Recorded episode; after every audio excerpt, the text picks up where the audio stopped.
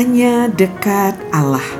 29 Juni 2022 Tanggapan Lukas 20 ayat 15b sampai 19 Lalu ahli-ahli Taurat dan imam-imam kepala berusaha menangkap dia pada saat itu juga sebab mereka tahu bahwa merekalah yang dimaksudkannya dengan perumpamaan itu.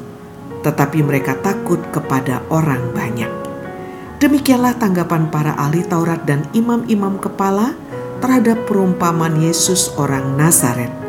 Mereka sungguh tahu, merekalah yang dimaksud Yesus dengan penggarap-penggarap kebun anggur yang tidak tahu diri itu.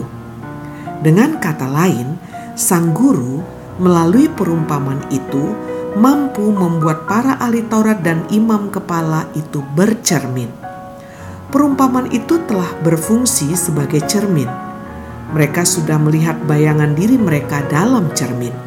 Persoalannya, tak ada tindakan positif setelah melihat bayangan diri dalam cermin.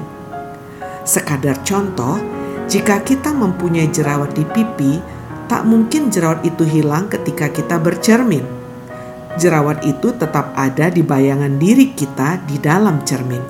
Pilihannya adalah menyembuhkan atau mengabaikan jerawat itu tak perlulah kita mengambil sikap sebagaimana peribahasa, buruk rupa cermin dibelah. Dan memang itulah yang dilakukan para ahli Taurat dan imam kepala itu. Bukannya berterima kasih kepada sang guru dari Nazaret yang telah membuat cermin yang begitu baik, mereka malah ingin menangkapnya. Tindakan mereka makin menegaskan bahwa merekalah yang dimaksudkan Yesus dalam perumpamaannya. Salam semangat dari kami, literatur perkantas nasional.